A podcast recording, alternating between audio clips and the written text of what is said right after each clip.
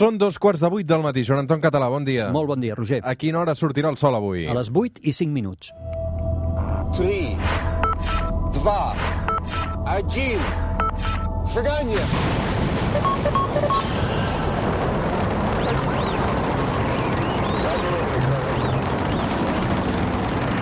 One small.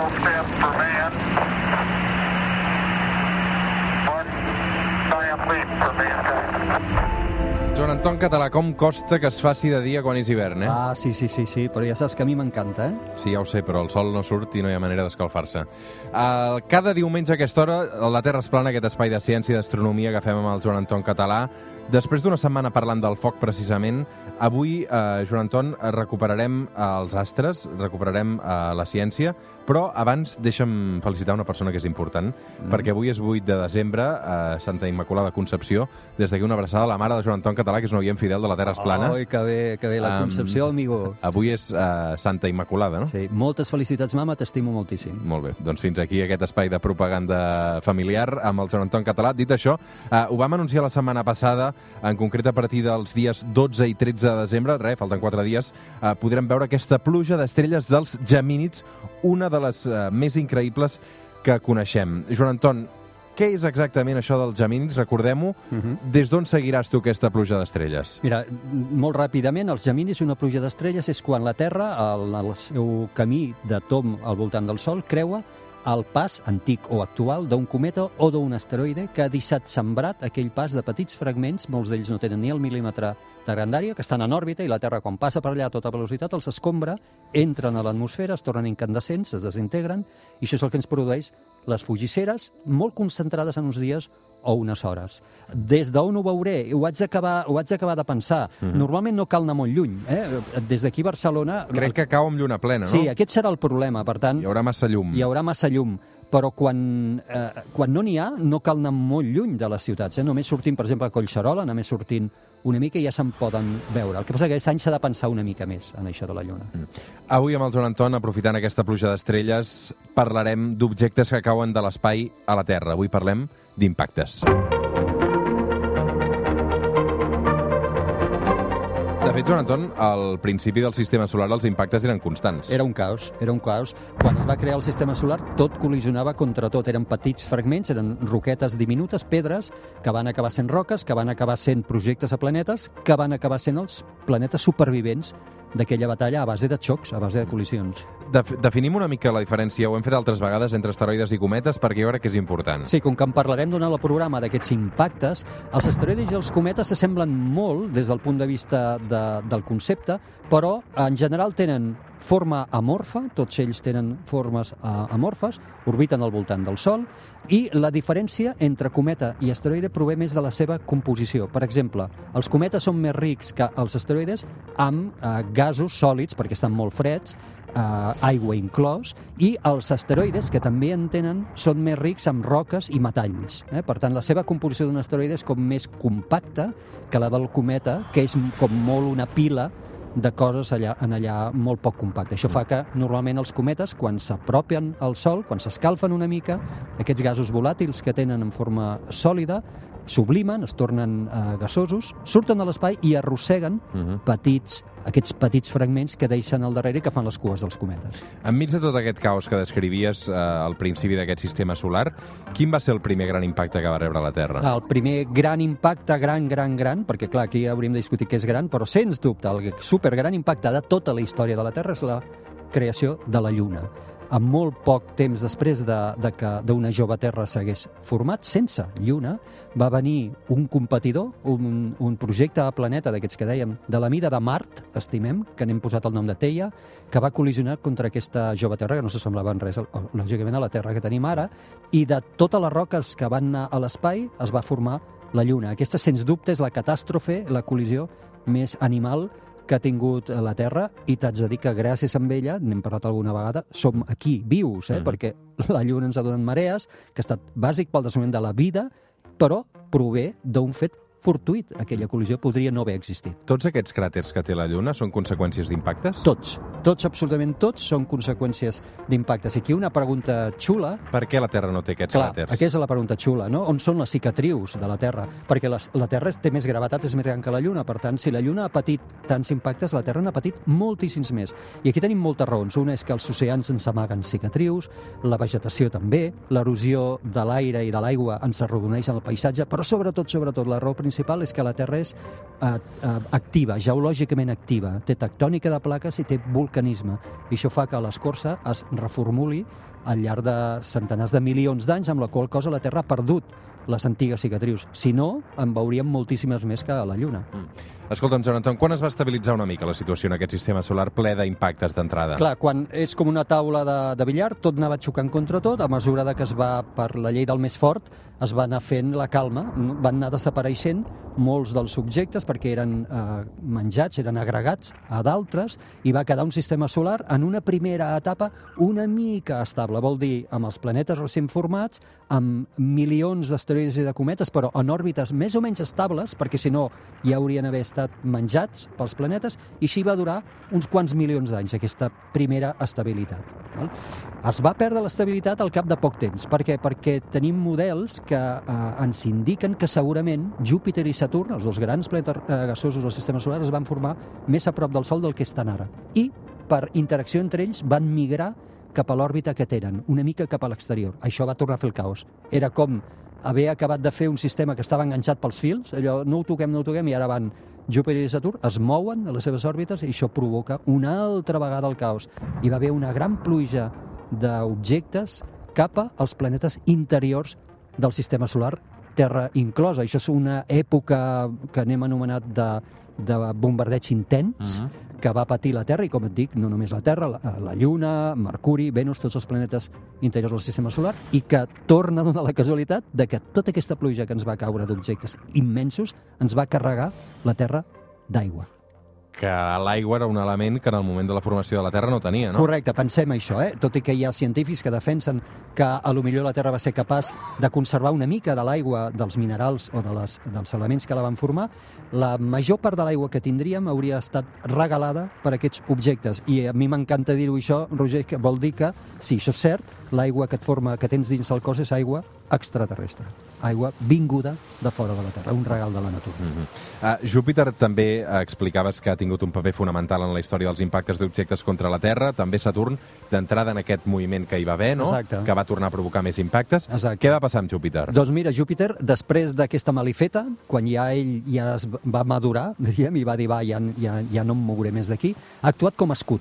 La gran gravetat eh, que té eh, Júpiter ha fet que hi, hi hagués objectes, asteroides, asteroides i cometes, que potser per la seva òrbita haguessin pogut ser perillosos per la Terra en un moment determinat i que van preferir xocar contra Júpiter abans que venir cap a l'interior del sistema solar.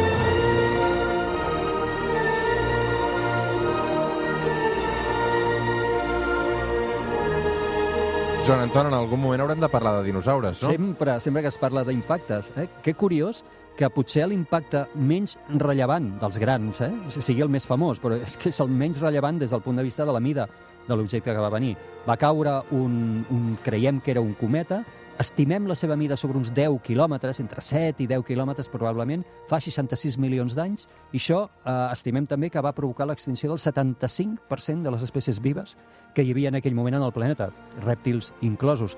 I torna a ser una casualitat. Fixa't com la natura utilitza els impactes per produir catàstrofes, però per regenerar la vida cada cop més forta. Els mamífers, que no pintàvem res, ens va deixar un nitxo absolutament buit, un planeta perfecte, sense els grans dinosaures, perquè avui tornéssim a ser aquí, no? poguéssim estar aquí. Fixa't aquest cicle in increïble no? dels impactes i de la vida. Com s'ha pogut demostrar aquest impacte de, a la Terra de, de, de tot això que va tenir relació amb els dinosaures? Perquè, mira, va haver eh, dos eh, científics que es deien Álvarez, que són dos americans, pare i fill, que l'any 1980 van descobrir en uns, eh, en, en uns estrats geològics de, de roques eh, un, mat, un metall que es diu iridi, que és molt escàs a la Terra i, en canvi, és força abundant en els cometes i asteroides. I llavors eh, van començar a elaborar la hipòtesi aquesta, sobretot quan van veure que a altres llocs del món, a la mateixa estrat geològic, a la mateixa edat de 66 milions d'anys, es trobaven a tot arreu del món, pràcticament a tot arreu, restes d'aquest metall en una capa molt fineta. Eh? I això és el que va donar lloc a la hipòtesi avui pràcticament acceptada per el 90 molt per cent de la comunitat científica d'aquest gran impacte fa 66 milions d'anys. Life will not be contained. Life finds a way.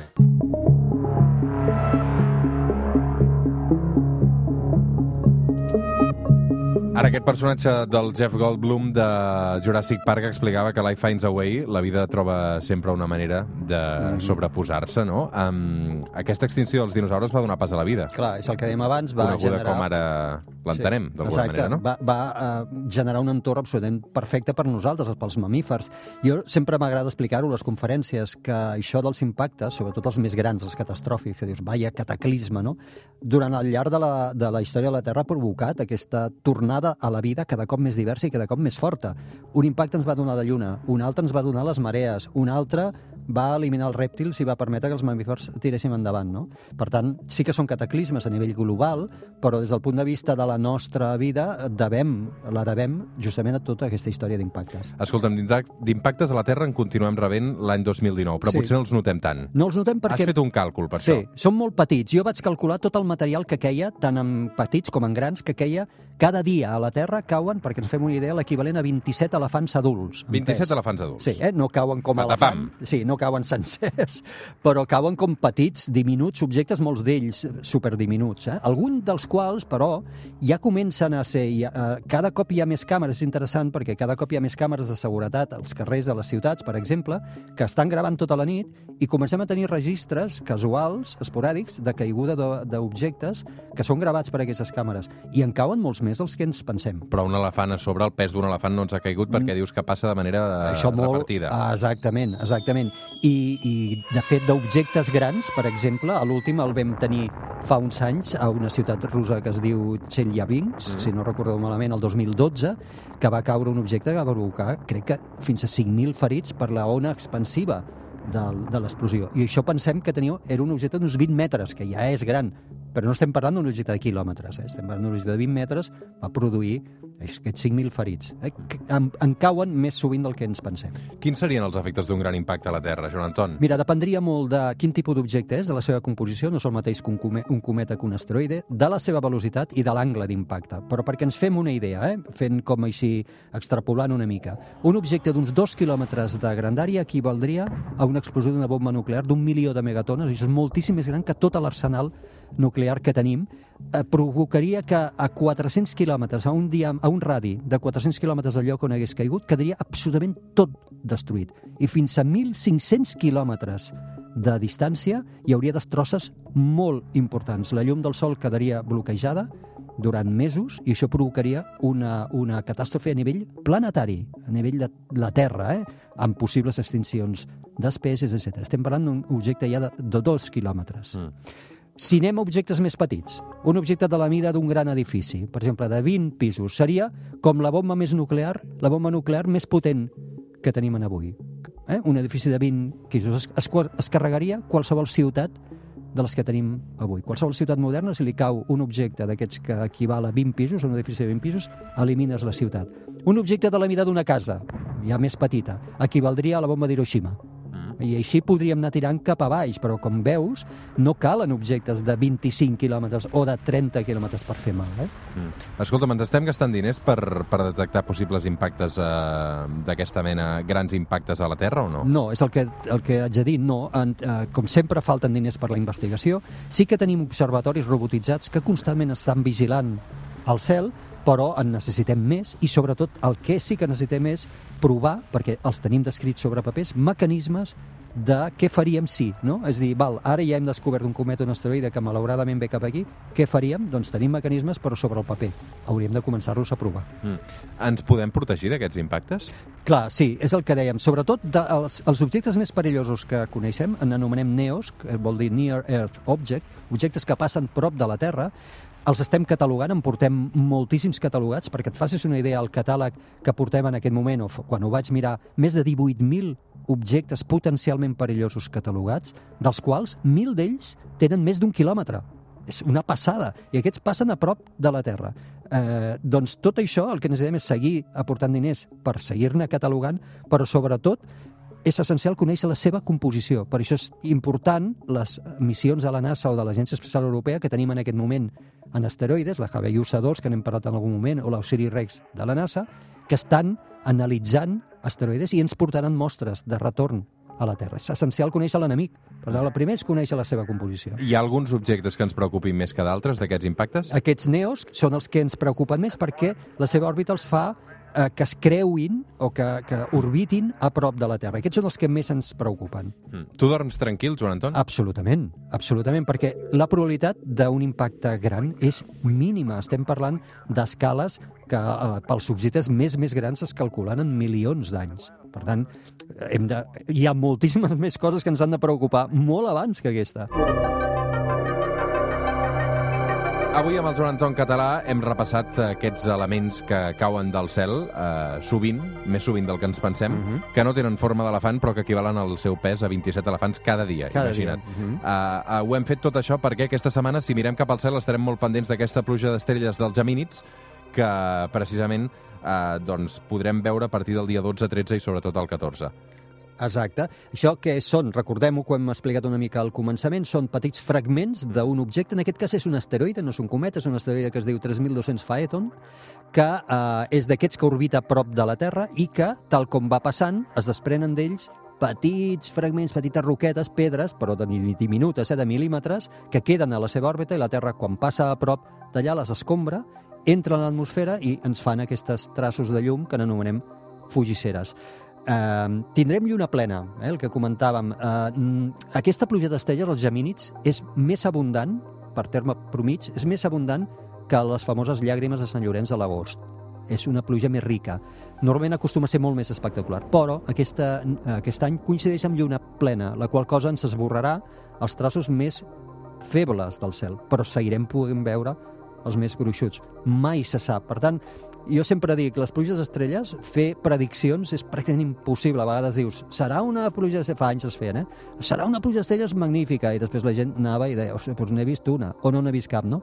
O al revés, eh, no esperem i t'ha donat la sorpresa. Són molt difícils de predir. Jo sempre dic, la millor forma de eh, vacunar-se sobre això és mirar-les totes, i les grans, i aquesta és de les grans. Per tant, jo recomano a la gent sortir i mirar el cel. És un fenomen que es produeix cada any, eh, Joan Cada any, justament per això que dèiem, és de repetició, perquè és quan la Terra creua, aquells dies creua el pas d'un cometa o d'un asteroide. Les llàgrimes de Sant Llorenç acostumen a ser l'11, 12, 13 d'agost, aquest és el 12, 13, 14 de desembre. Joan Anton, moltes gràcies. M'han vingut ganes de recuperar Jurassic Park en moltes de les Doncs versions mira. que, que tenen al llarg d'aquest programa. Molt bé. Tu ets fan de Jurassic Park o no? No especialment, em No. va, me les he vistes i em van agradar, però tal com a fan no seria un No, fan no. d'aquesta sèrie. Jo crec que hi ha pel·lícules uh, dins de totes les que s'han fet més reixides que d'altres, no? Sí, exacte. Aquesta té xulo perquè combina moltes coses i sobretot combina un component que als, eh, sobretot els adolescents i els nens agrada molt, que són els dinosaures. No? Mm -hmm. Joan Anton, una abraçada. Gràcies, Fem una igualment. pausa i tornem al suplement.